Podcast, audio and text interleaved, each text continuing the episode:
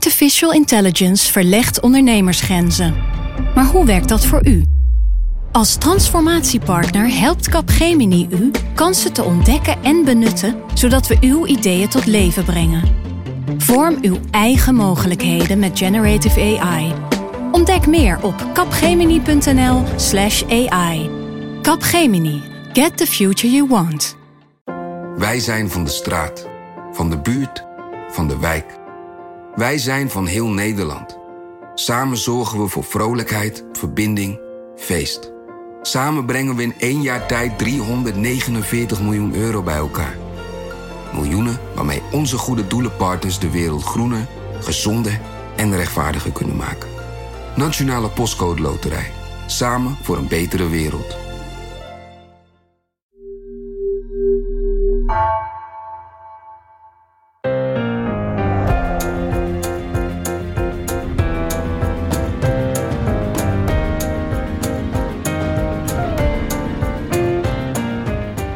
Dit is Haagse Zaken van NRC. Mijn naam is Lemja Aharouai.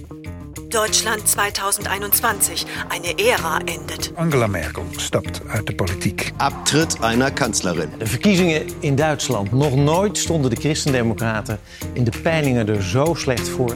Een strijd tussen de Sociaaldemocraten, de Christendemocraten en de Groenen. Herzlich willkommen. Guten Abend, Annalena Baerbock. Machen wir ein Weiter so der großen Koalition oder schaffen wir einen echten Aufbruch? Und der geht nur mit starken Grünen. Guten Abend, Olaf Scholz. Ich jedenfalls werde ein Kabinett zusammenstellen, das zur Hälfte aus Männern und Frauen besteht. Und einen guten Abend, Armin Laschet. Deshalb muss jedem klar sein. In deze week gaan we het hebben over de verkiezingen in Duitsland. 26 september, dat is uh, volgende week zondag, gaan de Duitsers stemmen. En dan denk je, waarom hebben jullie het daarover in Haagse zaken? Nou, omdat we het belangrijk vinden. Het cliché luidt uh, niet voor niets. Als Duitsland niest, is Nederland verkouden. Zie deze Haagse zaken eigenlijk een beetje als een handleiding Duitse politiek. We leggen je uit hoe het stelsel werkt. We hebben het over de partijen, we hebben het over de kandidaten. Zodat je de komende weken goed geïnformeerd de verkiezingen kan gaan volgen. Of in ieder geval het staartje van de campagne. En dat doe ik met andere stemmen dan je gewend bent. Ik heb aan tafel drie redacteuren die de afgelopen 16 jaar correspondent in Duitsland zijn geweest voor NRC. Of dat nu zijn. Ik begin maar gewoon meteen met het laatste. Uh, Nienke van Verschuur, welkom. Jij bent onze correspondent in Duitsland. Ja, dankjewel.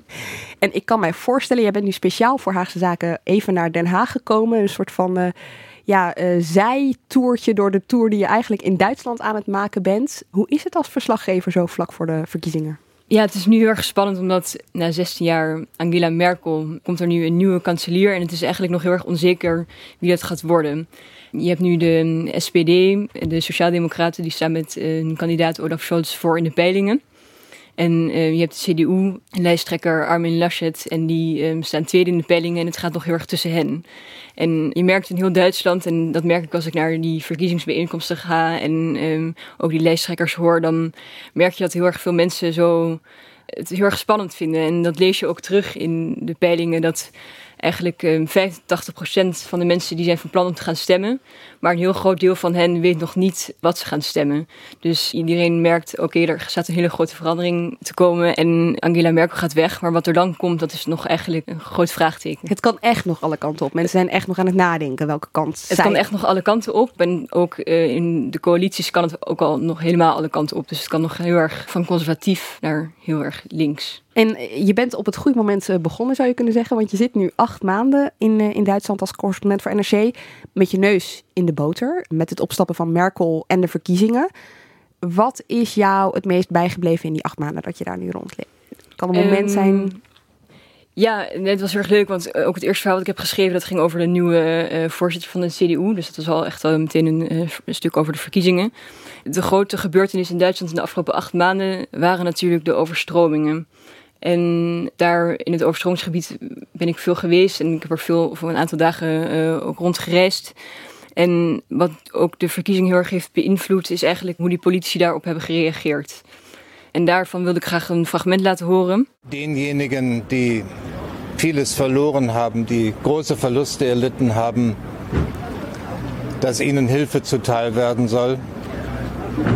Und diese Hilfe, die zugesagt ist, soll auch gelten für die Gemeinden, die in den nächsten Tagen und Wochen nicht nur aufzuräumen haben, sondern die vieles wiederherzustellen haben. Straßen, die kaputt sind, Brücken, die verloren gegangen sind. Und deshalb ist es gut, dass solche Unterstützung zugesagt ist. Ja, we horen hier bondspresident Steinmeier. Die was in Erftstad en die hield daar dus een vrij uh, gewichtige toespraak over mensen en wat ze hebben verloren en uh, wat er moet worden opgebouwd. En wat we niet horen is dat de lijsttrekker van de CDU, Armin Laschet, die staat dan achter Steinmeier. Die staat in een brandweerkazerne waar dit plaatsvond. Ik stond er pal naast. En Laschet die stond een beetje te geinen met, met een lokale bestuurder en met een brandweercommandant. En ik vind het een veelzeggend moment, omdat uiteindelijk is het in de afgelopen weken is het vooral gegaan om dat lachen van Laschet. Veel meer dan eigenlijk om die ramp. En je zou denken, misschien gaat het daarom nu steeds meer over het klimaat of over uh, nou ja, wat Duitsland zou moeten doen om grote van dit soort klimaatrampen te voorkomen. Maar nee, het gaat alleen maar van um, hoe heeft Laschet zich gedragen.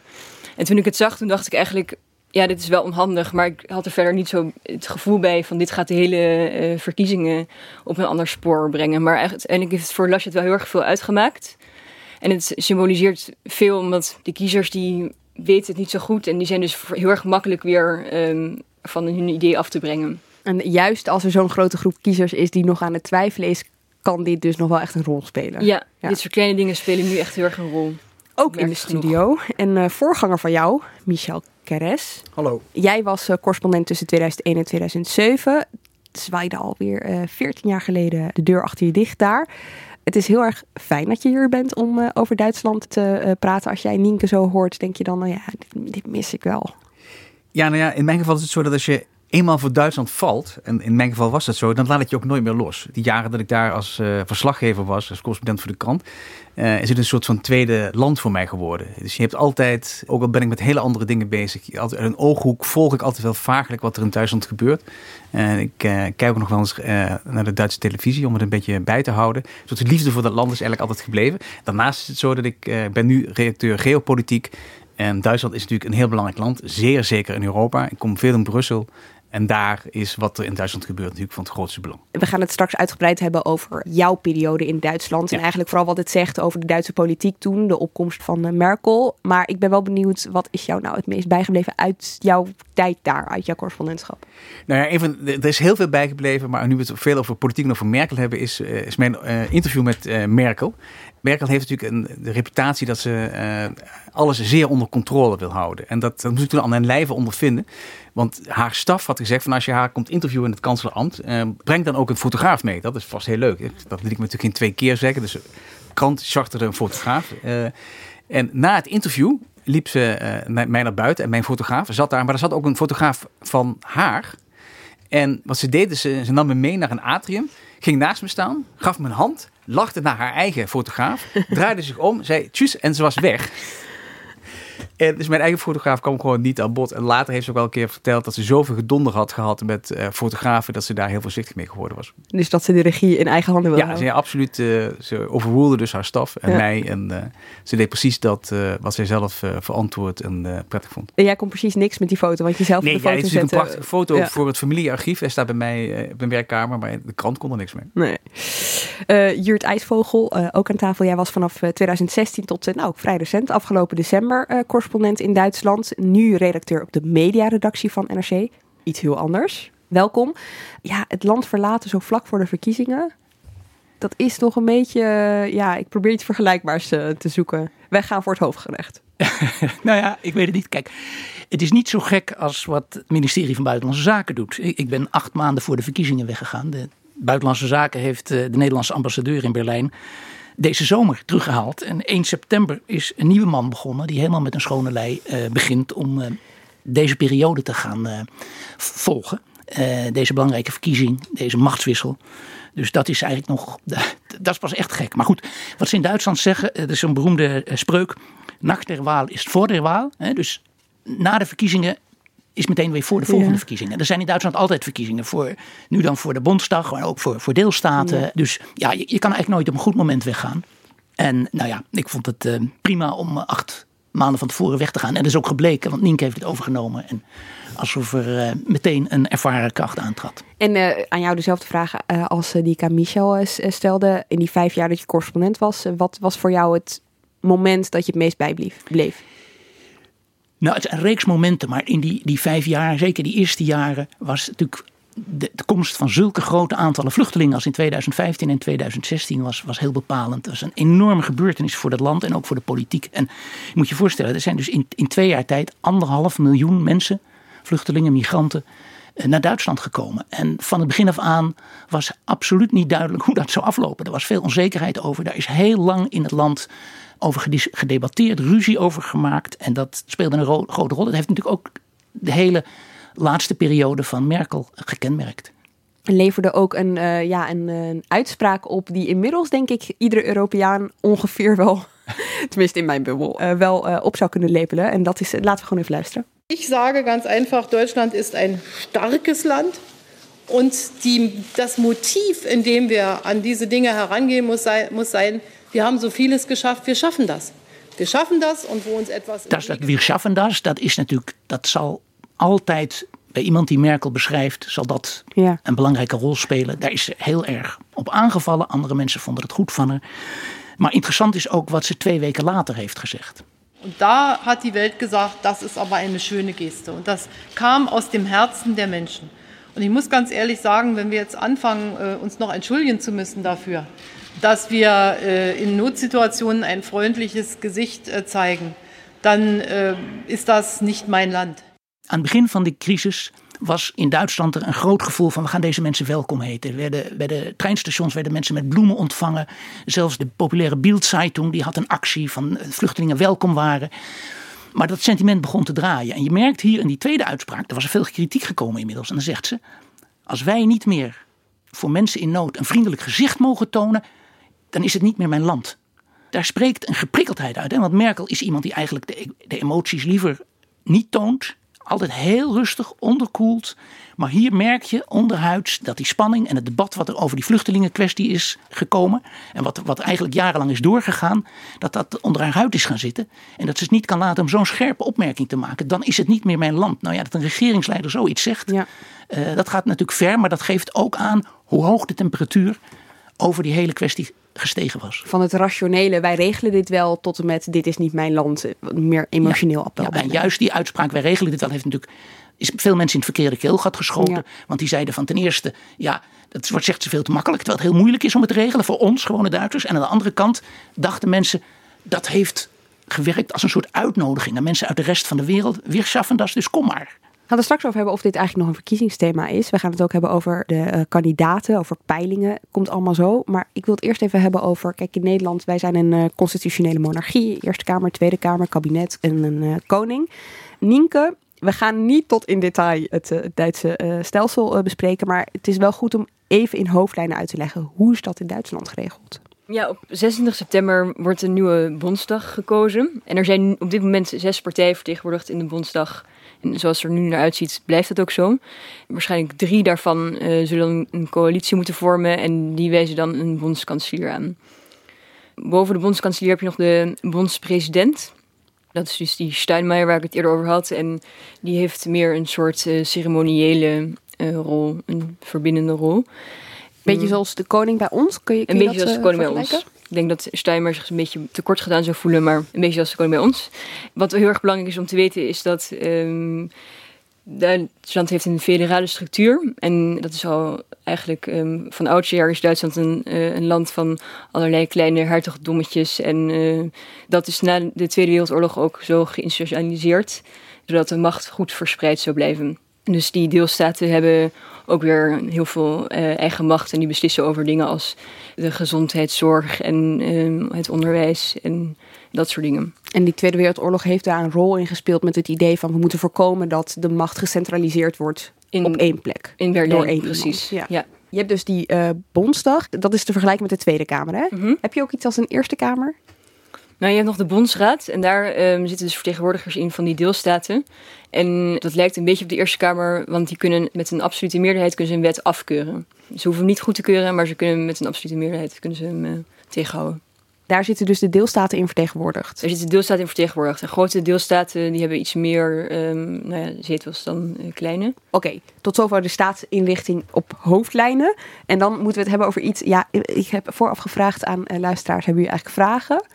En er kwamen veel vragen uh, binnen over het Duitse stembiljet. En dit is wel goed om even een kijkje in de keuken te geven van de voorbereiding van Haagse Zaken. Jullie hebben veel naar elkaar gewezen over wie dit op zich zou moeten nemen. Jurt, aan jou de eer, want het is ongelooflijk ingewikkeld. Het is zo ingewikkeld. Toen ik correspondent was, heb ik daarover gebeld met een hoogleraar die erin gespecialiseerd is. En die zei als troost tegen mij: er zijn in de Bondsdag maar heel enkele politici die dit precies en goed kunnen uitleggen. Dus nou ja, ik zal me er niet helemaal aan wagen. We zullen het als disclaimer meenemen. Maar het is wel goed om. Uh, we hebben allemaal een, voor, ja, een voorbeeld uh, voor ons liggen. Je hebt twee kolommen. En je hebt. Mijn Duits is verschrikkelijk, ja. dus misschien kan iemand even de linker en de rechter kolom voorlezen. We hebben dus het stembiljet voor ja? ons liggen. Daar staat boven: Ze hebben twee stemmen. Ja. Links staat een kolom, de eerste stimme. En rechts de tweede stimme. En waar het uit voortkomt is de gedachte: Duitsland heeft eigenlijk een kiessysteem dat tegelijkertijd prachtig en krankjorum is. Het prachtige is dat ze combineren een districtenstelsel, waarbij je in ieder, iedere waalkreis, iedere kieskring iemand kiest. Dus je weet, uit mijn omgeving gaat één iemand naar de Bondsdag. Van welke partij, dat hangt ervan af hoe we in mijn kieskring stemmen. Dat is deel van het districtenstelsel. En dat is een beetje zoals we het in het Verenigd Koninkrijk hebben. Aan de andere kant is het tegelijkertijd een systeem van evenredige vertegenwoordiging. Zoals we het in Nederland hebben. De partij die zoveel procent van de stemmen heeft, krijgt ook zoveel procent van de zetels. Punt is alleen, als je die twee met elkaar gaat combineren, wordt het heel ingewikkeld. Want dat betekent dat je partijen moet compenseren. En nou ja, dat betekent dat je om te beginnen twee stemmen moet uitbrengen. Eén voor de persoon die jij wil dat naar de Bondsdag komt uit jouw district. Degene die de meerderheid heeft in jouw district komt sowieso in de Bondsdag. Dat is één. Dat is de linkerkant van het stemformulier. De eerste stem, de eerste stemmen. De rechterkant, de tweede stemmen, gaat niet om een persoon, gaat niet om iemand van het district, maar dat gaat om een partij. Daar staan onder elkaar de partijen, CDU, SPD, noem maar op. Daar kies je een partij uit. Die tweede stem is op basis waarvan straks gezegd wordt: dit zijn de krachtverhoudingen in de partij. Die partij heeft zoveel stemmen, die krijgt zoveel procent van de zetels. Dat betekent dus een beetje ingewikkeld voor de kiezers, want die moeten dus twee dingen invullen. Ja. Eén persoon uit mijn omgeving en één partij. En om het extra ingewikkeld te maken, kiezers kunnen dus bepalen. Ik kies in mijn eigen district, kies ik bijvoorbeeld voor iemand van uh, de Groenen, zeg maar. Maar de rechterstem, de tweede voor de SPD. Dat maakt het ook voor opiniepeilers behoorlijk ingewikkeld.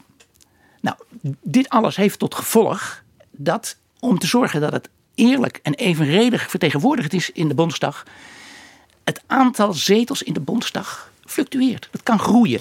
De afgelopen vier jaar was dat gegroeid tot maar liefst 709 zetels 709 Mitglieder hat der neue Bundestag und ist damit das größte Parlament nach dem Krieg und das kostet den Steuerzahler Millionen. Ein Abgeordneter 9500 Euro plus 4300 Pauschale, 21.000 für Mitarbeiter plus Sachkosten, Pensionsansprüche, Reisen und Besuchergruppen summieren sich auf 50 Millionen Mehrkosten für alle neuen Abgeordneten. Zu viel meinen Kritiker.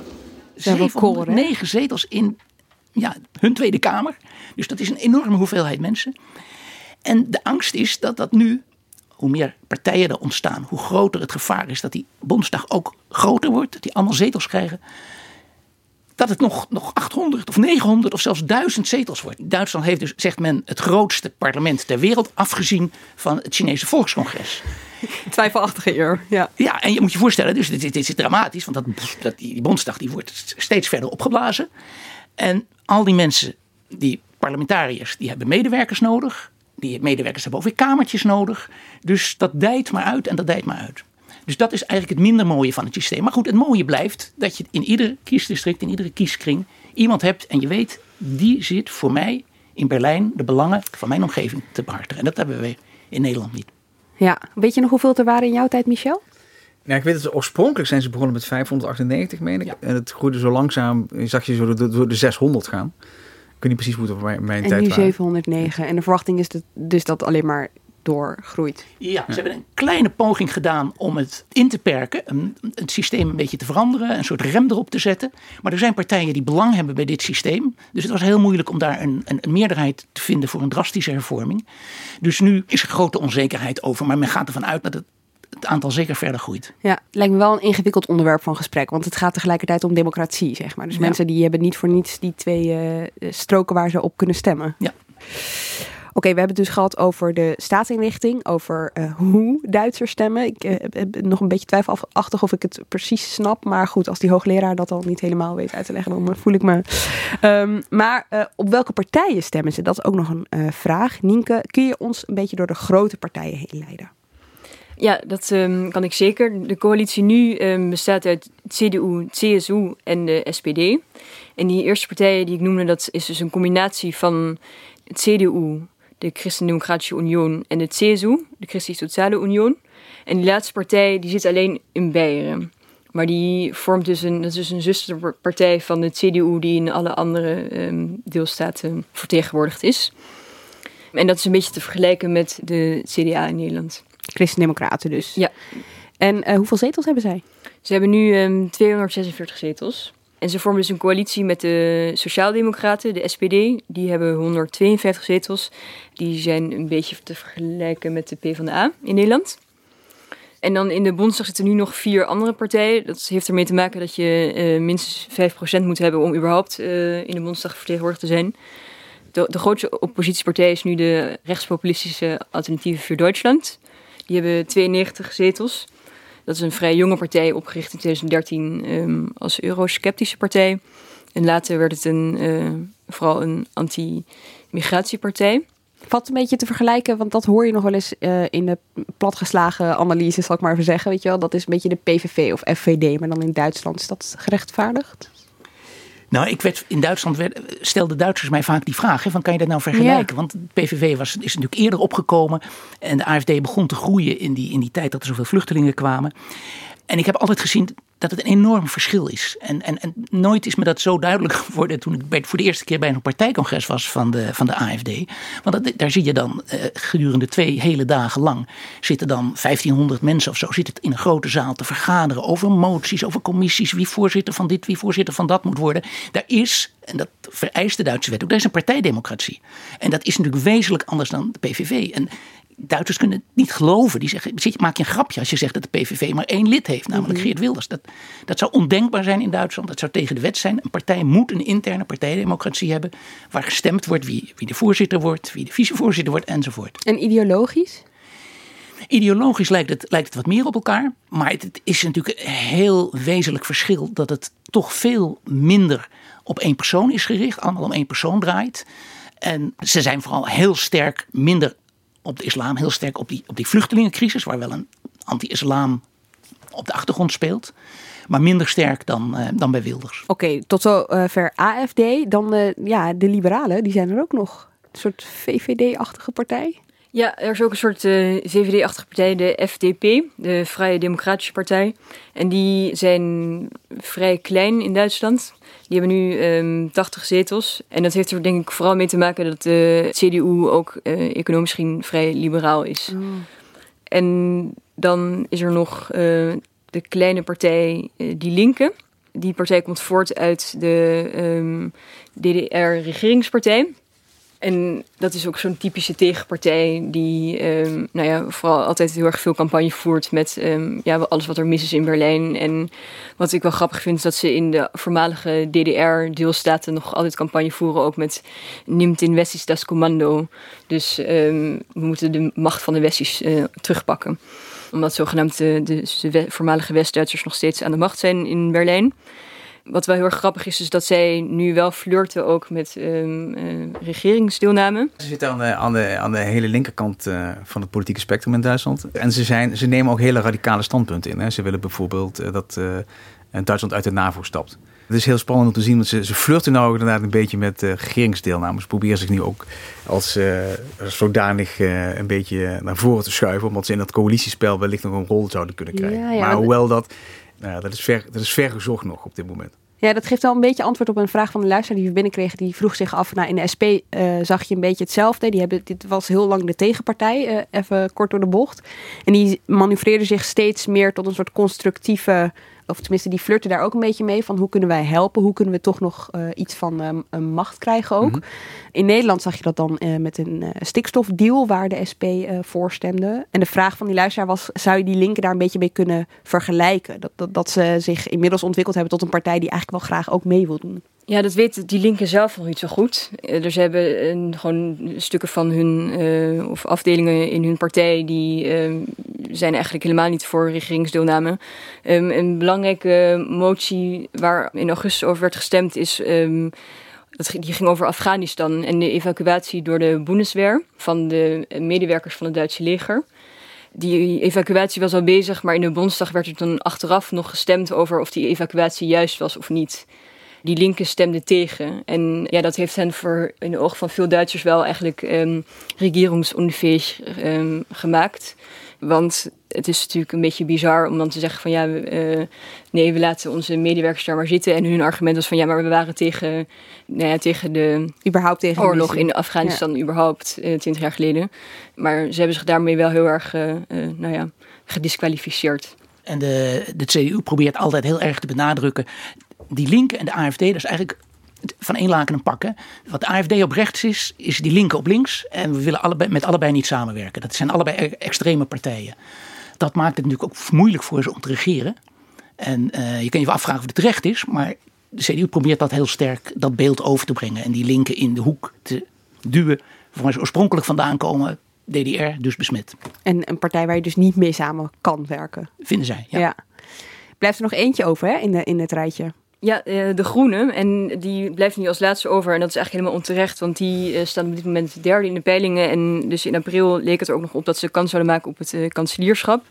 Ze hebben nu iets van 9% van de stemmen. Maar ze staan nu, zoals het er nu naar uitziet, krijgen ze uh, 18% van de stemmen. En worden daarmee dus de derde grootste partij. En de, Groenen zijn ook wel um, vergelijkbaar met GroenLinks in Nederland. Behalve dat de Groenen zich de afgelopen jaren ook steeds meer hebben geprobeerd te positioneren als een middenpartij. Dus ze proberen ook um, nou ja, mensen op het platteland aan te spreken. Ze proberen niet alleen maar een elitaire partij voor uh, stelingen te zijn. Ja. Ze hadden nu laatst een campagnespotje waarin nou ja, een soort van gezellige, nou ja, wat zal ik zeggen, groepje zestigers lekker worstjes stond te barbecuen. Ze proberen zich heel erg voor te doen als uh, een partij die ook heel erg geschikt zou kunnen zijn voor meer de conservatieve uh, Duitsers. Worstjes barbecuen? Ja, ze hebben, ze, de Groenen willen graag, ze willen graag ook een partij zijn waarin nog alles mag, maar ze gaan toch de klimaatcrisis aanpakken. Ah, okay. En weet je wel, en net als dat, dat de Duitsers heel erg veel waarde hechten aan bijvoorbeeld autorijden of zo, uh, de Groenen gaan het allemaal niet verbieden. Ze lopen gewoon nu al weg voor harde keuzes. Ze lopen nu al weg voor harde keuzes. Ja, ja. Zo goed Beetje de Rutte-lijn, we moeten wel kunnen blijven barbecuen, zeg maar. Ja. ja. En ze zijn bang voor het etiket verbodspartij. Hè? De partij die alles wil verbieden. Ah, dat lukt ze dus wel. Om dat beeld om te... Nou, niet echt. Um, als je mensen spreekt in, uh, nou ja, mensen die niet op de groene stem spreekt, dan zeggen ze allemaal van ja, maar binnenkort moeten we alleen maar op de elektrische step rijden. Of uh, um, ja, onze auto's worden, of onze binnensteden worden uh, autovrij gemaakt. En um, ze doen wel echt een beetje alsof ja, met de groene echt een hele nieuwe wereld gaat beginnen. Hey, en dit zijn de zes partijen die nu in de Bundestag zitten. En je legt al uit de eerste twee, dus uh, CDU, uh, CSU en SPD vormen de coalitie. Die andere vier partijen zijn de uh, oppositie. Dus een meerderheid vinden is dus ook iedere keer anders na verkiezing. Omdat het aantal zetels in die Bundestag kan toenemen of afnemen. Ja, dus je, kunt, dus, je kunt er niet zo 1, 2, 3 vertalen. Nee. Dat, dat levert ja. in die, die verkiezingsavond altijd enorm spektakel op. Ja. Dat je uh, veel meer drijft als, als toeschouwer, in ieder geval op de procenten. Je kan niet even gaan rekenen, ja. Nee, precies. Want normaal kun je dus, oké, okay, je hebt er 150 in totaal, je hebt er 75 nodig. Hè? De helft is 75 in Nederland. Dus ja. en, dan, kun je, dan breng je meteen al op je, op je hand begin te tellen. Ja. Uh, drie, drie bij elkaar, drie, drie bij elkaar. Die vier, oh, oh mijn god, hebben we er vijf nodig. Ja. Nou ja, dat heb je natuurlijk daar ook, maar het is net een slag ingewikkelder.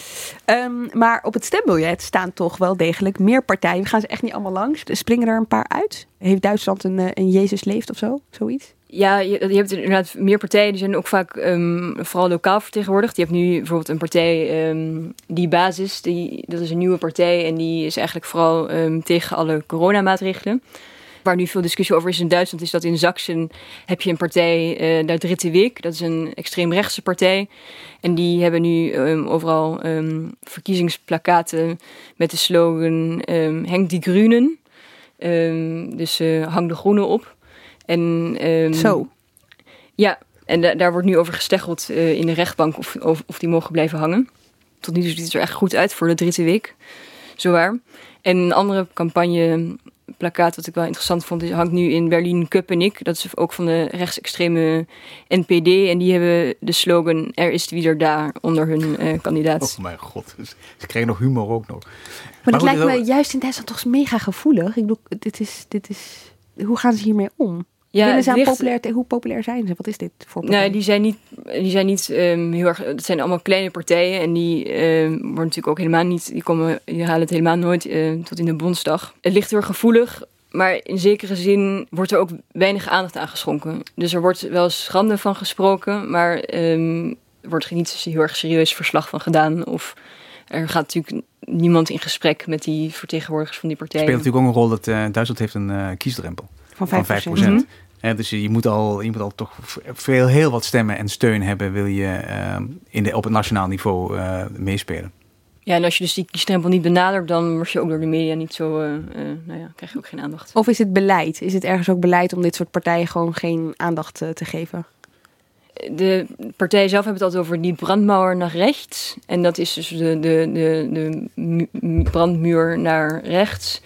Um, waarmee ze dus heel nadrukkelijk elk, elke vorm van samenwerking uh, met de rechtspartijen, zoals de AFD, uitsluiten. Maar je voel, ik vind dat je die brandmuur, die merk je ook wel uh, in de media. Dus ja. um, daar wordt ook niet, uh, niet per se veel over geschreven. Nee, en dat zijn dan nog de kleine partijtjes die, die toch eigenlijk geen kans maken. Maar in de beginjaren van de AFD was er ook echt een terughoudendheid bij de grote media om aan die AFD aandacht te besteden. Was toch, ja, die nodig je toch eigenlijk niet uit voor de discussieprogramma's op de televisie en zo. Mm -hmm. Dat is wel veranderd. Maar daar was in het begin een grote aarzeling. En dat heeft er volgens mij ook mee te maken dat de journalistiek in Duitsland eigenlijk vaak uh, door de bank genomen voelt dat ze een dubbele verantwoordelijkheid hebben. Niet alleen maar informeren en een goede journalistiek bedrijven, maar ook een verantwoordelijkheid voor wat ze zien als de stabiliteit van het land. En dus ja, als wij vinden dat zo'n partij eigenlijk ja, slecht is voor Duitsland, zoals menig journalist vindt van de AFD, dan moeten we daar ook niet te veel aandacht aan besteden. Oh, journalisten, journalisten, journalisten hebben een beetje de neiging uh, om mee te regeren. In die zin. Om gewoon mee te helpen het land uh, ja. op, op koers te houden.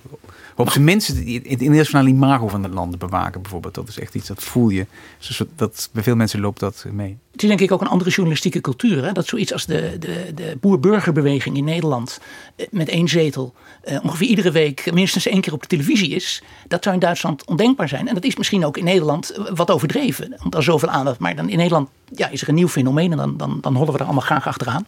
En daar is meer terughoudendheid in de Duitse pers. Maar goed, de boer-burgerbeweging zou het dus no nooit redden door die kiesdrempel überhaupt in de Bundestag. Want dat is nog wel even goed om uit te leggen. In Nederland zie je dus een enorme versnippering. We tellen inmiddels 19 fracties in de Tweede Kamer. Dat is dus een stuk moeilijker daar in Duitsland. Wel even goed om vast te stellen. Dus meer partijen op je stembiljet dan, er uiteindelijk, uh, dan de partijen die het uiteindelijk redden. Ja, want ook dit jaar zullen dus waarschijnlijk gewoon weer zes partijen in de Bondsdag belanden. Uh, maar in Duitsland spreken ze wel ook uh, van de grote versnippering, omdat al die partijen veel kleiner worden.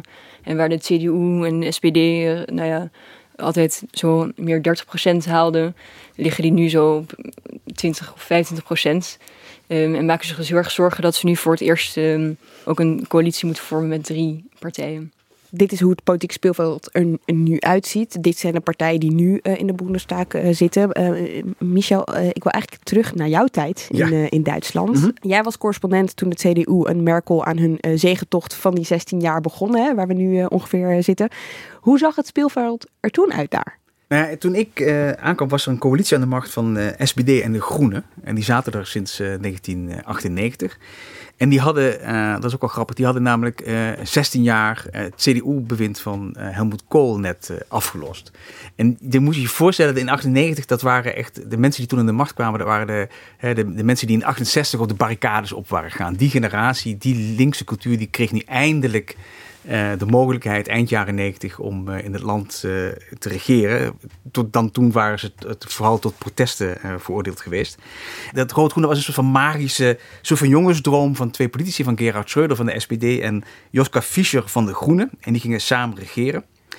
En al heel snel begon dat vrij stroef te lopen. Dus aan het begin van deze eeuw zag je dat die twee partijen, die begonnen het steeds moeilijker te krijgen met elkaar. En dat was een beetje omdat die coalitie, die, dat was eigenlijk een soort van gedroomd verband. Dus als je daar ruzie had, dan had je niet zomaar een meningsverschil, maar dan, had je, dan pleegde je meteen verraad aan het grote linkse ideaal. Dus alles werd meteen heel zwaar. En dat, uh, ja, maar je kunt ook wel zeggen natuurlijk dat ze in zoveel opzichten ook wel verraad plichten aan hun, uh, hun idealen. Want jij zegt het was een heel links uh, coalitie, maar bijvoorbeeld voor Schreuder, uh, die was natuurlijk ook helemaal zo'n sociaal-democraat van zijn tijd. En die zei, er is geen linkse of rechtse economische wetenschap, er is alleen maar goede economische wetenschap. Dus hij was helemaal zo in, dat, in dat, op die ideale wegtour. Ja. En net als de Groenen, dat was eigenlijk een partij van de pacifisten. En die gingen volgens meedoen in Afghanistan en toen dat is natuurlijk ook weer... Uh... Ze lieten hun eigen idealen eigenlijk los, al regerend. Um, ja. Ja, ze werden natuurlijk veel realistischer dan een deel van hun achterban was, dat is zeker. Schreuder is inderdaad waar. Dus in het eerste jaar was hij nog een beetje uh, ideologisch bevlogen, maar al vrij snel ging hij gewoon uh, regeren. En dus die twee clubs die uh, botsten ook voortdurend. En daarnaast hadden ze de grote pech dat het ook in Duitsland ging het economisch heel slecht. het, was, het land had een enorme werkloosheid, de economische groei ging achteruit. Er was veel bureaucratie en er waren voortdurend debatten over hoe slecht het ging, uh, wat er allemaal verbeterd moest worden. En Schreuder heeft heel lang uh, dat voor zich uitgeschoven. En op een gegeven moment heeft hij toch ingegrepen. Er was een keer een schandaal uh, met arbeidsbemiddeling. En toen heeft hij dingen gaan doen die heel slecht vielen bij zijn eigen sociaal-democratische achterban. Namelijk bezuinigen op sociale zekerheid. En allemaal maatregelen nemen over langdurig werklozen. En dat is hem toen door zijn eigen traditionele SPD-achterban heel erg kwalijk genomen. En hij zei toen altijd: Ik neem een enorm risico. Dus altijd als je hervormt, is er een risico tussen het moment dat je die hervormingen invoert, dan krijg je veel kritiek. En maar de, de vruchten kun je pas eh, later plukken. En er is een gat tussen. En ik moet heel erg uitkijken dat ik niet in dat gat val. En hij is prom natuurlijk toch in dat gat gevallen. Ja. Toen jij begon net in Duitsland, dus die eerste verkiezing die jij meemaakte was in 2002. Toen lukte dat linkse blok nog wel één keer om te winnen. Ja, maar dat was krap anders. Het CDU en, en SPD kwamen toen bijna uh, gelijk uit. Maar toen heeft de, aan het CDU, CSU-kant, die hadden toen Edmund Stoiber naar voren geschoven, de premier van Beieren. En dat was een hele conservatieve kandidaat voor, voor en voor veel mensen heel moeilijk te accepteren. Zeker voor Noord-Duitsers was dat, lag dat heel moeilijk. En uh, Schreuder die zat in die zomer thuis en zag het uh, fout lopen en dacht van ik moet iets doen, ik moet iets doen. En hij is toen heel erg oppositie gaan voeren tegen de Irak-oorlog die op dat moment uh, aanstaande was. En dat heeft hem op het allerlaatste moment gered. Dus wat in 2002 nog net lukte, ging hem dus later niet lukken. lukken. Er waren in 2005 vervroegde verkiezingen. En toen had het CDU-CSU had Angela Merkel als kandidaat. En die redden het net wel tegen Schreuder. Wenn Frau Merkel eine Koalition hinkriegt mit der FDP und den Grünen, dann kann ich dagegen nichts sagen. Äh, das werde ich auch nicht tun. Aber sie wird keine Koalition unter ihrer Führung mit meiner sozialdemokratischen Partei hinkriegen. Das ist eindeutig.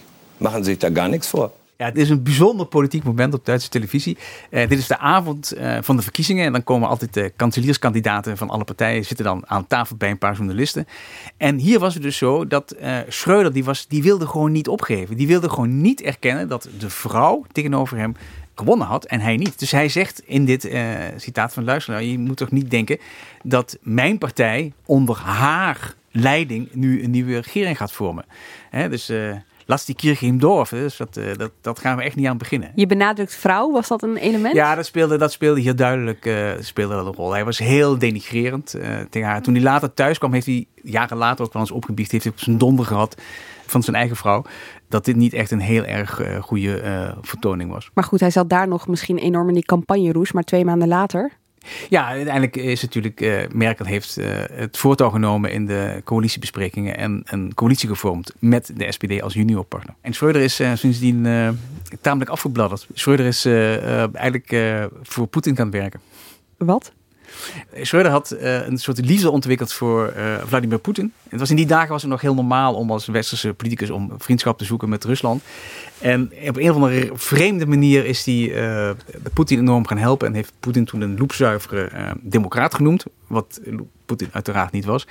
En hij is ook voor gas- en oliebedrijven van Rusland gaan werken dat is hoe het met hem is afgelopen. Maar Angela Merkel, die eh, mocht toen zelf aan de knoppen zitten. Hoe ging dat? Nou, dat ging op zich heel goed. Het vreemde aan Angela Merkel was toen ik eh, in 2001 eh, in, Duitsland kwam, toen was zij al eh, de leidster van de, van de oppositie. En op een of andere gekke manier werd zij niet helemaal serieus genomen door de Duitse media waar we het net over hadden. Waarom? Ja, zij wilde uh, niet meedoen zeg maar, aan de wetmatigheden van de mediademocratie. Hè. Dus zij gaf niet om uiterlijk. Uh, en als zij, uh, ze ging niet heel overdreven vriendelijk doen. Ze was heel serieus. En op een of andere manier kwam zij op de Duitse televisie heel slecht over. Na een paar maanden ontmoette ik haar in een soort persgesprek met buitenlandse journalisten. En ik dacht van jeetje, dit is echt een intelligente vrouw. Dit is een vrouw met humor. En wat ze op tv niet kon overbrengen en wat je meteen leert als je haar persoonlijk ontmoet, is dat ze een enorme charme heeft. En later, in de loop der jaren, heeft ze dus aan haar imago gaan werken. En toen in die verkiezingen van 2005 is ze ook make-up gaan gebruiken. Ze is aan de kapper gegaan. Ze heeft uh, andere kleding genomen. Ik kan me nog herinneren, ze stond op verkiezingsaffiches met een uh, soort van gelig uh, jasje. En dat was gewoon een hele vrolijke, aantrekkelijke verschijning geworden. En dat speelde een belangrijke rol in haar verkiezingen. Ze heeft zich moeten veranderen om de kiezer voor zich te winnen. Ja, ze heeft, ze heeft heel duidelijk, ze is mee gaan doen aan de, de, eisen die de, de, maar, de tv-democratie aan haar stelde. Ja, en daar vind ik altijd het, het boeiende als je ziet in wat voor omgeving zij terecht kwam. Hè. Zij, komt daar in die CDU, een enorme mannenpartij. En dat zijn allemaal van die mannen, net als Laschet en nu Olaf Scholz van de SPD ook, die al vanaf hun zestiende of hun achttiende in die politieke partijen zitten. Dat hele politieke bedrijf van binnenuit kennen, weten hoe dat gaat in Duitsland. En met een oog altijd op: ik wil omhoog, ik wil omhoog en ik wil een keer kanselier worden. En Merkel heeft de eerste dertig jaar van haar leven in een ander land gewoond, in feite, in de DDR. Een andere baan gehad die niks met de politiek gemaakt te maken had. Zij was fysicus. En die komt dan in die CDU terecht met al die haantjes die naar boven willen. Mhm. En haar lukt het met haar onderkoelde manier om toch langzamerhand met de ellebogen de ene na de andere. En kun je zeggen, die ellebogen is goed, is goed je die ellebogen noemt, want er zit ook een heel groot, uh, er zit vrij veel Machiavelli in Merkel. Hè? Dat wil het zo Nee, maar dat is, volgens mij is dat een mythe. Want um, uh, als je ze nou bedenkt, want iedereen zegt altijd van ja, ze heeft Kool uit de weg geruimd, en volgens Schäuble uit de weg geruimd en Merz uit de weg geruimd. Daar heeft een journalist van die Zeit laatst een heel uh, een lang artikel over geschreven. Maar die hebben zichzelf allemaal uit de weg geruimd. Want die heeft uh, al die donaties aangenomen en wilde vervolgens niet zeggen van wie ze had gekregen. Schäuble die had 100.000 euro of D-mark aangenomen van een wapenlobbyist. En versprak zich daarover. En uh, ja, kon natuurlijk toen ook niet meer helemaal integer. Ja, er, moest iemand zijn, er moest iemand zijn die, die deze mensen die zichzelf in de voet geschoten hadden nog een duwtje gaf ook. En bijvoorbeeld Angela Merkel heeft ja. tot verbijstering van de hele top van de CDU, van haar eigen partij, op een gegeven moment een stuk op de voorpagina van de Frankfurter geschreven dat de tijd van Helmut Kool voorbij was. De grote Helmut Kool. Die tijd van Helmut Kool was ook voorbij. Ja, maar niemand durfde dat te zeggen. En zij wel. En dat was een ja. risico. Daar stak ze de nek mee uit. Maar jouw punt, Linke, is dus nou, mijn punt is van dat zij dan altijd zo ook als een Machiavelli wordt neergezet. Gewoon omdat die mensen niet konden begrijpen dat deze vrouw, inderdaad, die pas zo laat aan haar politieke carrière was begonnen, toch al die mannen nog uh, voorbij streefde. Ja. Maar goed, ze konden gewoon niet accepteren dat ze misschien inderdaad beter en slimmer en um, strategischer was. Strategischer was dan al die andere mannen die inderdaad vanaf hun zestiende uh, ze probeerden omhoog te werken. In ieder geval, ze werd in ieder geval onderschat. Altijd. Nou ja, en dat, ja. dat, dat, strategische, ik, wat ik wel uh, fascinerend vind, is uh, dat moment in 2002. Gaan we eventjes toch terug in de tijd. Maar uh, in 2002, toen besloot zij, ik ga nog niet meedoen aan de verkiezingen.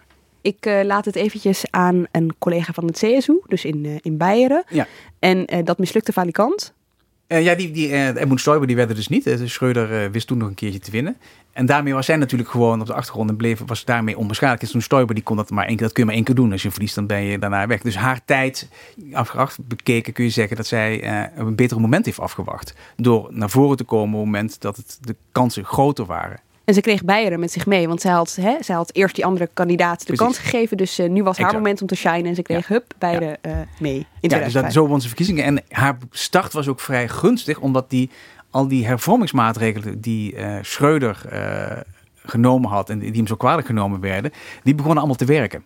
Dus in, toen, toen ze eenmaal aan het bewind was, had ze in het begin ook een beetje de wind mee, omdat plotseling de Duitse economie begon te draaien. De werkloosheid daalde snel en mensen kregen er weer een beetje zin in. Duitsers zijn natuurlijk altijd heel erg van zwart kijken. En, en nu plotseling kwam er een beetje leven in de brouwerij. Ja, maar ze deed het dus goed op de, eigenlijk op de legacy van uh, Schreuder. Ze heeft daar enorm, in de eerste fase enorm uh, voordeel van gehad. Ja. ja. goed. Um, we gaan eventjes door naar Jurt. Want toen jij kwam in 2016 als correspondent in Duitsland, uh, toen was zij al tien jaar bondskanselier. En toen? Ja. In die tien, tien, jaar moest je het toch echt zelf doen? Absoluut. En dat bleek dus ook met, waar we het over hadden hebben, die, die vluchtelingencrisis. En in 2016 behalve de, de vluchtelingencrisis had je toen ook een aanslag, een grote terreuraanslag in Duitsland. Op de kerstmarkt in Berlijn. Mm Er zijn elf doden bijgevallen, tientallen gewonden. En dat was natuurlijk ook een dramatische gebeurtenis. Een jaar eerder had je gehad op de, uh, bij de oudjaarsviering in Keulen. Dat er tientallen vrouwen waren lastiggevallen door naar duidelijk was toch veel uh, jongens, die, uh, jonge mannen die met de stroom van vluchtelingen naar Duitsland waren gekomen. En dat versterkte allemaal toch de angst voor. Hebben we iets vreselijks binnengehaald met, die, met het niet sluiten van de grenzen, met de vluchtelingencrisis? En dat straalde natuurlijk enorm op Merkel af. Zij was degene die dat belichaamde en nog steeds belichaamt. Dus dat legt een enorme zware druk op haar en op de hele politiek en in het land. En dus eigenlijk heel veel incidenten werden in verband gebracht met de vraag hebben we ons eigenlijk in een, een, een vreselijk drama gestort. Door niet de grenzen te sluiten. En dat was echt heel dominant in die jaren. En dat heeft dus ook aan de populariteit van haar partij en van haarzelf op dat moment afbreuk gedaan. Wat deed dat met haar? Want er kwamen verkiezingen aan in 2017. Kijk, zij is een hele coole kikker. Hè? Dus zij kan incasseren. Maar de vraag was natuurlijk, gaat zij zich nog een keer verkiesbaar stellen? En er waren binnen die CDU en CSU waren een heleboel mensen, ook politici, die zeiden: ja, nu moet het ook afgelopen zijn met Merkel. Want we hadden dit gewoon niet moeten doen. We hadden die vluchtelingen niet moeten toelaten. Merkel is de belichaming daarvan. Die doet ons de das om. Maar dan krijg je het jaar 2016 en er gebeuren een aantal grote dingen in, ook in de wereld. Dan krijg je de Brexit. De Britsen die stemmen om uit de Europese Unie te stappen. Je krijgt in november, tot vele verbazing in Europa en zeker ook tot verbazing van Merkel, wordt Trump tot president van Amerika gekozen. En dan staat zij voor de vraag: moet ik in deze situatie, en ook in de situatie waar mijn partij met grote problemen zit, waar mijn eigen imago flinke deuken heeft opgelopen, uit de politiek gaan? Of moet ik toch nog één keer proberen voor een vierde keer bondskanselier te worden? Nou, dat is grappig. En toen kreeg ze Obama op bezoek. Toen kreeg ze Obama op bezoek in Berlijn. En het verhaal is dus dat Obama, die toen op het punt stond natuurlijk om naar de uitgang te gaan, te vertrekken. En die een soort verwante geest was er is duidelijk een vonk overgesprongen. Als je foto's ook ziet van hoe zij soms bijna, bijna verliefd naar hem kijkt. Is, is leuk om te zien. Maar goed, die hadden een. Die en, hadden andersom, een en andersom. Up to a point. Maar het verhaal is dus dat Obama haar zou hebben aangespoord. Blijf nou toch. Hè? Jij bent voor de stabiliteit van Europa, voor de vrije wereld. Is het belangrijk dat jij blijft en dat je nog een keer bondskanselier wordt en niet Duitsland in een onzekere opvolgingsstrijd stort. Hoe het ook zij, wat ook waar is van dat verhaal of niet. Ze hebben elkaar wel ontmoet, dat is zeker. Wat er gezegd is, zij, een paar dagen later is zij eh, voor de pers getreden. En toen was het niet duidelijk wat ze zou gaan zeggen. Maar toen heeft ze gezegd, ik heb er heel lang over nagedacht. En ik stel me verkiesbaar om nog een keer voor de volle vier jaar bondskanselier te worden. Nog een keer campagne te voeren. En de rest is geschiedenis, want het is haar gelukt in die vier jaar. Haar partij stond er eh, even wat beter voor. Eh, wat ik me wel afvraag, ze kwam dus wel door die dip heen hè, van 2016 die je net uh, beschreef. En daardoor is ze dus eigenlijk een bondskanselier die met opgeheven hoofd het toneel kan verlaten. Niet na een schandaal of zo. Dat leverde een luisteraarsvraag op die ik wel even aan jullie wil voorleggen. Iemand die vroeg waarom zijn slash worden kanseliers vaak van die politieke reuzen? Vergelijk Franse presidenten van de laatste 40 jaar. Bloeddiamanten, minnaressen en het land in verwarring achterlaten. Ja, Merkel is iemand in ieder geval zonder schandalen en verrijking en zo. Daar heeft ze niks mee, dat interesseert er niet. Maar heeft Merkel het beeld zeg maar, bepaald voor en daarmee ook um, haar voorgangers, misschien dat haar voorgangers dat minder goed nou ja, het, het, interessante is, Merkel is iemand die, die, een Amerikaanse journalist schreef een keer, die heeft zich gehouden aan het Duitse moratorium op charisma. Daar houden ze niet van, uh, van politicus met charisma in Duitsland. Want daar hebben ze zo hun ervaringen mee in de geschiedenis. Dus liever niet. En Merkel is iemand zonder charisma, maar dat maakt haar juist aantrekkelijk.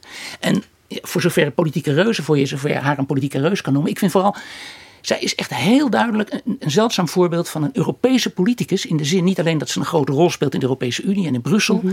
maar dat in bijna alle Europese landen mensen hebben een mening over haar. Ze vinden en ze voelen iets over haar. Dat gaat vaak heel diep. Als ik twitterde over Merkel, kreeg je altijd hele felle reacties. Mensen bewonderen haar of verafschuwen haar. Wat je meestal alleen maar hebt met politici van je eigen land. Ja. Maar Merkel over heel Europa, door die vluchtelingenkwestie, is zij een figuur geworden waar mensen zich of tegen afzetten of mee identificeren. En dat, is, dat, is, dat, dat heeft haar natuurlijk ehm, ja, op een niveau gebracht wat maar weinig politici hebben. Merkel gaat dus weg. Er zijn nu verkiezingen. En um, Nienke, om weer uh, bij jou te komen. Uh, wat zijn eigenlijk de verkiezingsthema's nu? Wat, wat speelt er in Duitsland? Um, ja, als ik ook nog even mag terugkomen op die vraag van de luisteraar. Die zei over dat de Franse presidenten het land in verwarring achterlaten. Ik heb het idee dat Merkel nu ook het land toch wel een beetje in verwarring achterlaat. En nou ja, dat heeft verschillende redenen. Maar voor mij, dus de afgelopen acht maanden, sinds ik in Duitsland zit, was er de coronacrisis. En die begon al uh, natuurlijk eerder, maar die werd de afgelopen uh, maanden of in die winter van 2021 trof die Duitsland eigenlijk het hardst. Vervolgens waren er die overstromingen in uh, Noord-Rijn-Westfalen en Rijnland-Pals. En in augustus was er natuurlijk ook nog de grote nederlaag voor het Westen in Afghanistan. Dus ik heb het gevoel, mensen die voelen dat er heel erg veel gebeurt en um, dat er veel op het spel staat. Maar het is niet helemaal duidelijk um, wat daar het beste antwoord op is. En van Merkel is natuurlijk bekend dat ze een crisiskanslerin was. Dus ze heeft allerlei Europese crisis, zoals de eurocrisis en de schuldencrisis en de vluchtelingencrisis. Nou ja, daar heeft Merkel uh, Duitsland doorheen geloodst. En nu is eigenlijk het gevoel, we hebben weer een kanselier nodig die ons uh, een soort van zekerheid geeft. De mhm. zekerheid die Merkel ons ook heeft gegeven. En daarom heeft het nu veel meer met de personen te maken, met de uitstraling van de kandidaat-kanseliers eigenlijk dan uh, met de thema's. En zie je dan ook dat zij haar probeert te imiteren? Nou ja, dat zie je zeker. Uh, en uh, bijvoorbeeld Laschet, de CDU-lijsttrekker, die noemt zichzelf de hele tijd de man van het maat in het midden. Um, want zo noemt Merkel zichzelf ook graag. En uh, Scholz, die doet zich eigenlijk voor als de ware Merkel-erfgenaam. Die is van de Sociaaldemocraten. Van de Sociaaldemocraten. Er zijn ook allemaal Christendemocraten, uh, dus die eigenlijk op hem schelden van... ja, je bent een koekoeksjong en uh, je, je bent niet... je, waarom aap je Merkel na en je pikt de erfenis van Merkel in?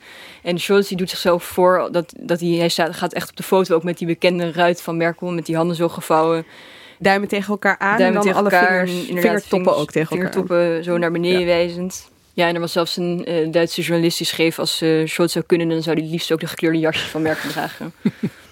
Oké, okay, maar kijk, jij uh, omschrijft nu dus eigenlijk hoe zij allemaal een gevoel proberen op te roepen dat Merkel ook blijkbaar opriep. Een gevoel van vertrouwen, van zekerheid, van het ja. komt er wel.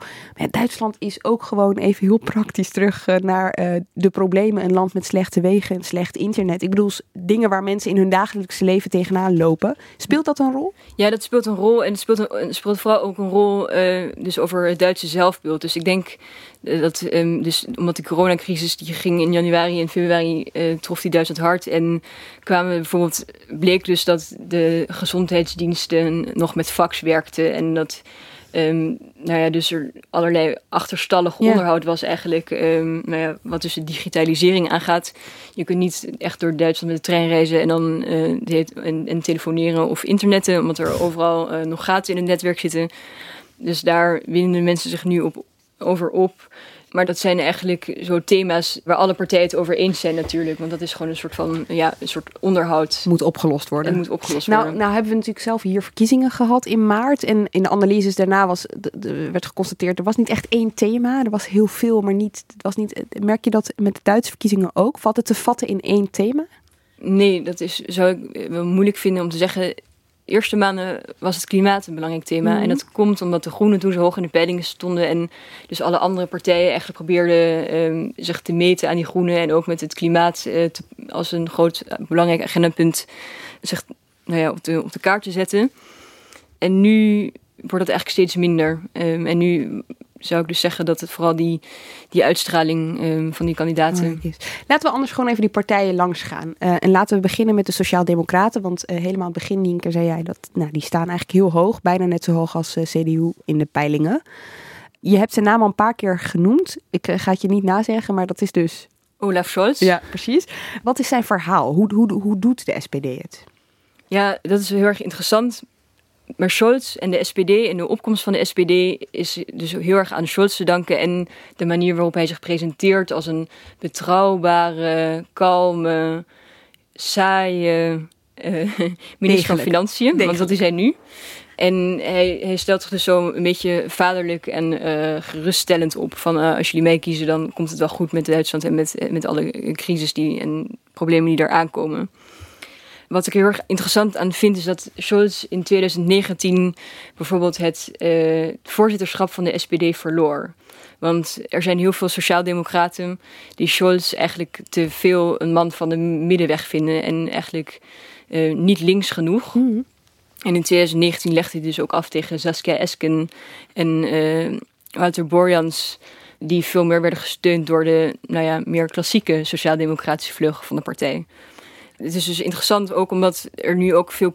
Er zijn dus veel kiezers van de CDU die nu nadenken over Scholz. Omdat ze denken van ja, daar zullen we een soort vanzelfde zekerheid mee krijgen als we met Merkel hadden. Maar er zijn tegelijkertijd ook sociaaldemocraten en ook mensen die lid zijn van de sociaaldemocraten. Uh, die zeggen we stemmen niet meer op uh, Scholz. Dus hij vervreemdt zich van zijn eigen achterban, maar weet wel andere kiezers potentieel Precies, aan te trekken. Ja, ja ik, ik vond het ontzettend verrassend wat er gebeurt bij die SPD. Omdat inderdaad, Scholz heeft toen dat, die strijd om het voorzitterschap verloren, omdat hij niet links genoeg was. De meerderheid van die partij wil eigenlijk een, een linkse kandidaat hebben. En die Walter Borjans en, en Saskia Esken die gekozen zijn, die hebben eigenlijk de afgelopen jaar uh, steeds dingen gezegd die steeds meer kiezers van zich vervreemden en de, en de peilingen steeds slechter maakten voor de SPD. Maar die lijken nu de campagne bezig is wel in de kelders te zijn gestopt en de, en de sleutel van de deur is weggegooid. Want ze houden zich heel koest. En wat gebeurt er? Ja, de partij stijgt in de peilingen. Ja, precies. Dus de partij gaat En- steeds beter. Ja, maar je vraagt je natuurlijk af straks als de P van de, de, de, ik zeg P van de A. Ja, goed, je bent alweer helemaal geïntegreerd in Nederland. Als de SPD, als de SPD in de regering komt, als stel dat Scholz kanselier wordt, dan gaat die kelderdeur natuurlijk open. En dan komt Ja. de linkervleugel van de SPD er weer uit. En die durven dan hun de mond weer open te doen. Ja. Dus de vraag is of de verdeeldheid in de partij, die ze nu ontzettend goed hebben toegedekt, eh, ja, zich dan, dan niet weer gaat opspelen. Maar dat is ook wel helemaal het argument van bijvoorbeeld de christendemocraten die nu eh Scholz aanvallen en zeggen met Scholz kies je een Trojaans paard. Want als je Scholz eh, kiest, dan krijg je dus ook Saskia Esken erbij, die dan soort van wordt gezien als eh, het rode gevaar. En daar hebben ze het letterlijk over. Ja, bovendien wil Scholz eventueel eh, ook over links eh, eh, formeren. Ja. Hè, dus in ieder geval met de groenen. Dus dan krijg je eh, als conservatieve kiezer eh, maak je een hele grote kans op een, eh, eh, Ja. om een progressief blok Ja. eh, te krijgen. En zal ik nog vertellen over de Pammesboede? Nou? Absoluut, ja, dat moet je echt vertellen. Nee, dat, dat hoort hier Eh, zeker ja, dat gaat dus over Saskia Esken. En wat Jurk net zei, dat ehm, de linkervleugel van de SPD dus ehm, een beetje eh, in de kelder wordt gehouden. Of vooral het zwijgen wordt opgelegd. Dus we denken dus dat als, ze, als de partij gedisciplineerd optreedt, dat ze dan, eh, en als ze goed achter Scholz staan, dat ze dan veel kans maken. Maar er was afgelopen zondag een talkshow, Anne Wil. En de CDU-man die daar was, die zei... hé, maar Saskia Esken zou er toch ook zijn? En toen zei de talkshow-host... eh, ja, maar Saskia Esken was helaas verhinderd. En toen zei een derde genodigde... zei, ja, maar, hè, maar ik zag Saskia Esken net hier om de hoek bij de frietboer staan. Ehm, dus het sch- schijnt vrij letterlijk zo te zijn in ieder geval. En de CDU doet het natuurlijk ook zo graag voorkomen. Dat ze echt Ehm, uit beeld gehouden Dat ze worden. echt uit beeld wordt gehouden. Omdat zij dus een te sociale koers voor staat. En de Duitsers die houden toch niet zoveel van ehm, te grote ingrijpende eh, Veranderingen. Ja. hoewel wat nog wel opvallend is, dat Scholz is altijd inderdaad gezien als een degelijke eh, man die goed op de, op de centen past als minister van Financiën. Maar toen de coronacrisis uitbrak, toen heeft hij de schatkust open kunnen maken en heeft hij al die plannen gesteund om heel veel geld uit te geven en te korten. En opeens kon er weer schulden gemaakt worden en zo. Dus daarmee kon hij wel een klassiek sociaal-democratisch gebaar, politieke gebaren Mhm. maken. Namelijk Ja. geld uitgeven, in de economie pompen, schulden maken. En daarmee heeft hij de linkervleugel wel enigszins geapaiseerd. Oké, dat was de SPD. Gaan we naar die andere grote partij in de peilingen die ook al de afgelopen tijd eh, aan de knoppen heeft mogen eh, draaien, de afgelopen 16 jaar, eh, moet ik zeggen. En dat is de CDU van Ja, dus Armin Laschet. En die heb ik al eerder genoemd, want hij dus stond te, te lachen in het, in het rampgebied. de blunderende man. de blunderende man. De CDU stond er eigenlijk heel goed voor in de peilingen. Ook omdat Merkel dus in eerste instantie, of in ieder geval in het begin van de coronacrisis, dat heel erg goed had gemanaged. En eigenlijk sinds januari ehm, ging het slecht met de coronacrisis en kreeg de CDU van Merkel toch vrij veel kritiek. Gewoon omdat ze het niet voor elkaar kregen om snel te beslissen over welke maatregelen er moesten worden genomen. Dus je had een, zoals in Nederland ook, had je mensen die vonden dat er heel erg veel dicht moest en anderen die vonden dat ook de economische schade meer in het oog moest worden gehouden. Dus daar begon het CDU al een beetje te kwakkelen. Maar wat na 16 jaar Angela Merkel heel erg speelt, is dat het CDU gewoon niet meer zo goed weet wat het programma was. Want Merkel heeft één keer, en dat was in 2005, campagne gevoerd met een helder programma. En dat was namelijk dat alles nog nou ja, verder economisch geliberaliseerd moest worden. Daar heeft ze best veel kiezers mee verloren en vervreemd. En sindsdien heeft Merkel eigenlijk altijd campagne gevoerd met... u kent mij al en ik ben de stabiele factor en op mij kunt u rekenen. En ging het eigenlijk altijd veel meer over wat Merkel zelf dacht te doen. De partij werd het jasje van Merkel, maar ja, als zij dan wegloopt, dan blijft er Er blijft dus over. niks over. Ja. In ieder geval, het is, de partij is erover verdeeld over wat er nu over moet blijven en wat er nu weer centraal moet komen te staan. Maar dan zou je kunnen zeggen, het is nog best knap dat zij eh, zo hoog in de peilingen staan nog steeds. Terwijl ze weinig ideeën hebben. Ehm, Of ga ik dan te kort door de bocht? Ja, voor CDU-begrippen staan ze historisch laag in de peiling, want die hebben eigenlijk nog nooit onder 20% eh, in de peiling gestaan. En vorige week peilden ze 19%. Het is bijna alsof de kiezers eigenlijk pas de afgelopen paar weken, maand, misschien een maand of twee, echt beseffen dat Merkel weggaat. En dat het dus een, een heel andere partij wordt. De vrouw die zo lang sinds 2000 die partij gedomineerd heeft, is straks echt weg. En natuurlijk kon je dat al lang weten, maar nu zien ze iedere keer die lasje en beseffen ze ja. Hier moeten we het mee doen. Ja.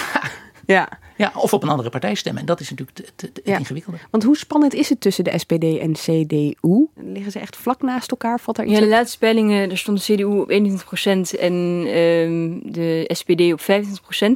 Maar dat is met een foutmarge van 2,5%. Oh, ja, echt dus het dichtbij. kan dat het heel erg dichtbij ligt. En zoals ik al eerder zei, er zijn heel erg veel van mensen van plan om te stemmen. En vooral de 60-plussers zijn vastberader dan ooit om te stemmen. En de 60-plussers zullen iets conservatiever stemmen dan, eh, dan de jongere generatie. Dus dat zou voor de CDU nog wel een, eh, een meevaller kunnen zijn. Ja, en er zijn nog steeds veel mensen die nog niet zeggen het nog niet te weten. En eh, je weet dus, hè, dat is een beetje de, de, angststrategie die Laschet nou de afgelopen weken voert. Hè. Dus zeggen van ho ho, let wel op als je niet op mij stemt, krijg je iets heel erg links, iets heel erg verschrikkelijks.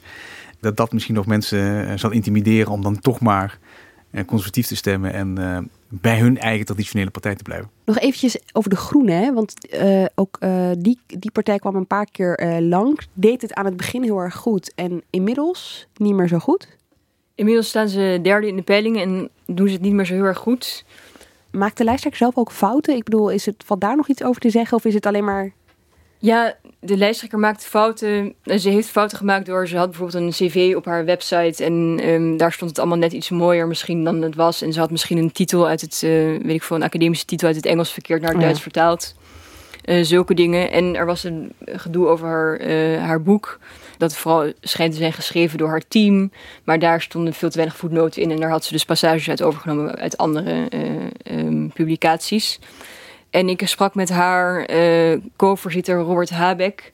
En die zei dat het vooral zo pijnlijk was, omdat de Groenen proberen dus een, eh, een partij te zijn voor iedereen. En ze proberen heel veel mensen aan te spreken. En ze proberen vooral ook geloofwaardig te zijn. En die Habeck zei dus van ja, het schaadt ons zo erg, omdat juist we worden gezien als een partij voor academici. Of mensen misschien die zich zo iets beter voelen dan de rest. Hij had En zelf graag, dit- hij had zelf graag eh, kandida- kanslerkandidaat van de Groenen willen zijn natuurlijk. Ja, ja. Nog eventjes over AFD, hè? Want dat is een partij waar het jarenlang best veel over ging. Ook in de Nederlandse media als het ging over eh, Duitsland. Het lijkt nu wel alsof we daar niet meer heel veel over horen. Hoe is het daarmee afgelopen? Wat, hoe Ja, is die partij, die partij? partij is nog zo, maar het, is, het viel mij op aan de, de afgelopen weken aan de, aan de campagne en ook aan de berichtgeving in de Duitse media, dat het gaat eigenlijk helemaal niet meer over dat onderwerp. Dus, het, dus de Duitse politiek was natuurlijk heel lang gedomineerd door migratie, Mhm. eh, door de reactie daarop, door het feit dat, we, eh, dat Duitsers vonden dat hun land bedreigd werd en de populistische politiek die daarvan profiteerde. En nu gaat het heel erg over eh, nou ja, traditionele middenonderwerpen weer. Dus het gaat heel erg weer over de christendemocraten, de sociaaldemocraten, met dan een beetje de groenen daar nog tussen. Dus eigenlijk is die, die hele stroming van de afgelopen jaren, merk je, is eigenlijk gewoon, ja, die is natuurlijk nog wel. eh, maar die speelt heel weinig, eh, speelt nauwelijks een rol op dit moment. En daar komt bij dat die AFD was behalve een anti-immigratiepartij ook heel sterk een anti-Merkel-partij. Dus ja, nu Merkel niet meer meedoet hè, zijn zijn grote favoriete tegenstander en, en hun schrikbeeld kwijt. En dat, ja, ja. Maar goed, ze spelen natuurlijk in het parlement natuurlijk nog een belangrijke rol. En zij, Ze staan op, ook op gelijk nog steeds in de peilingen. Ze hebben 12% en ze staan nu ook Kijk. op 12% in de ja. peilingen. Dus het, ze, het is niet alsof ze nu zijn uitgespeeld. Ze hebben nu corona als een grote thema gekozen. Uh, in wat voor opzicht? Is... Nou, dat ze dus zeggen van uh, we zijn tegen vaccinatieplicht, die er ook niet is. Maar die dan, uh, als je alleen maar met je vaccinatiebewijs naar een restaurant mag en zo, noemen ze dan vaccinatieplicht via de achterdeur.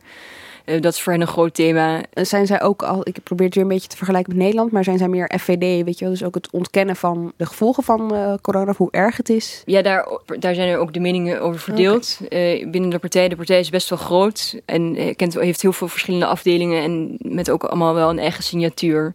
Maar volgens mij kun je wel zeggen dat de partij niet bepaald naar het midden opschuift, maar steeds ook extremere standpunten in een partijprogramma opneemt. Zoals uh, dat ze dit voorjaar ook voor uh, pleiten voor een programmapunt Dexit, dus Duitsland uit de EU. Ah. Ja. Okay. Um, en hun twee lijsttrekkers, dat zijn ook, die zijn ook bekend als um, van de echte rechtervleugel van de partij. Ik wil eigenlijk terug naar het cliché waarmee ik begon. Als Duitsland niest, wordt Nederland verkouden best wel veel vragen die we binnenkregen gingen ook hierover. Van als er uh, straks een, uh, een groen kabinet wordt ge gevormd in, uh, in Duitsland, gaan wij daar dan iets van merken? Of gaat de rest van Europa daar iets van merken? Nou ja, Kun je daar iets wijs over zeggen? Nou kijk, economisch hangen Nederland en Duitsland natuurlijk zeer nauw aan elkaar. Dus alles wat daar gebeurt is, is voor ons van belang. En meestal is het zo dat bondsdagverkiezingen geen enorme verschuivingen opleveren die meteen tot grote schokken in Nederland zouden leiden. Maar het is natuurlijk wel zo dat Duitsland in een Europese context een, een belangrijke rol speelt. En als je bijvoorbeeld een rood-groen kabinet mm -hmm. uh, zou krijgen, uh, dan zou dat de Duitse positie binnen zekere marges in, in Europa kunnen verschuiven. Dus bijvoorbeeld, de Groenen zijn bijvoorbeeld uh, feller gekant tegen Rusland, zijn wat harder naar China toe, waar Merkel dan nog zeg maar de economische belangen wat hoger had staan. Dus je kunt daar wel verschuivingen verwachten. Uh, dus daarom kijkt iedereen ook uh, zo nauw uh, naar die verkiezingen. En met name zoiets als de auto-industrie, die natuurlijk in Duitsland altijd heel erg belangrijk is. En waar ook de SPD altijd achter staat, want er zitten ook veel kiezers die daar werken. En de Groenen natuurlijk veel kritischer tegenover de auto-industrie staat. Dus het klimaatbeleid van de Groenen en de houding ten opzichte van de auto-industrie. Merkel heeft de auto-industrie toch altijd de hand boven het hoofd gehouden. Daar zou het wel eens veel kunnen uitmaken. Ja, maar het blijft ook, het blijft ook even nog terugkomen wat je straks zei over de, over de onderwerpen waar het nu over gaat. Het is toch heel vreemd dat je een, een, een stevige groene partij hebt in deze verkiezingen, die ook veel aandacht trekt met een uh, nieuw team. In het jaar van klimaatverandering en het, de grote klimaatconferentie die aankomt, dat dat onderwerp niet meer op de voorgrond komt. En dat ze daar niet meer winst uit kunnen halen op dit moment. Dat ze dus toch zo voorzichtig zijn en toch, oh, oh, oh, oh we mogen de kiezer niet voor het hoofd stoten ja. en we mogen hem uh, ja. niet de barbecue afnemen. Dat is, blijft toch fascinerend dat dat nog steeds kan. Een beetje het Nederlands argument van het moet wel betaalbaar blijven. Ja, het moet leuk blijven, ja. ja, ja. Hey, nog één ding uh, over uh, de positie van degene die de, de Merkel opvolgt als bondskanselier in Europa. Want zij heeft zich in de afgelopen 16 jaar natuurlijk echt een ja, positie toegeëigend. Een soort vanzelfsprekende grote factor in de Europese Unie.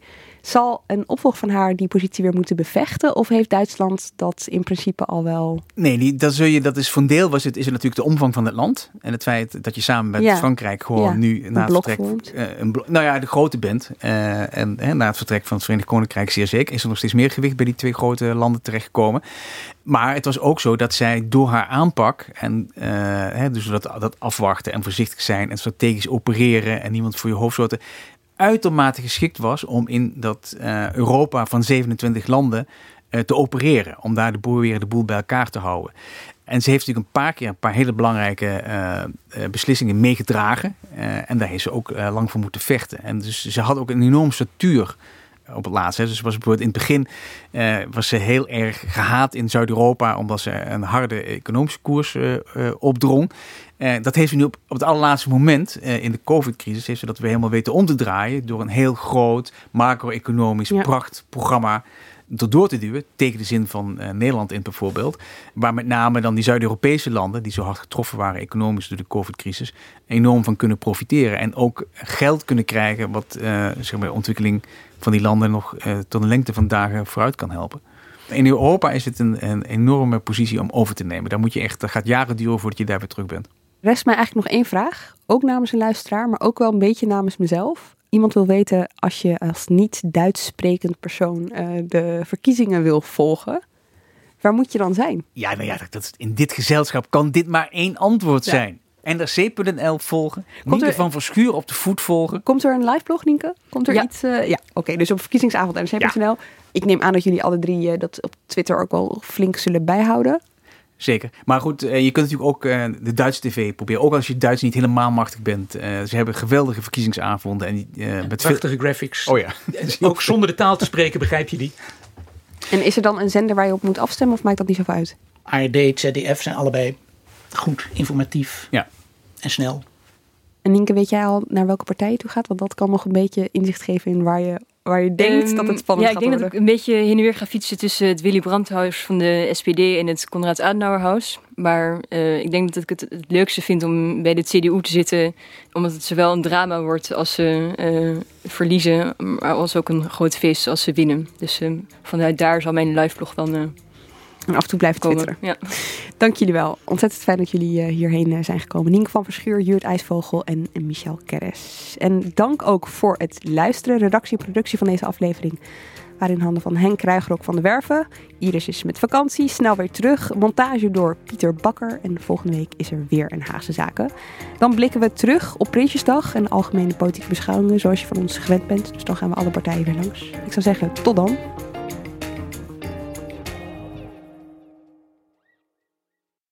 Ik ben al jaren ondernemer, maar waar moet ik eigenlijk allemaal aan denken nu ik voor het eerst personeel wil aannemen, voor het eerst ga importeren of voor het eerst een bedrijfslocatie zoek?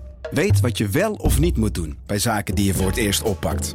Check kvk.nl voor praktische stappenplannen. KVK, hou vast voor ondernemers.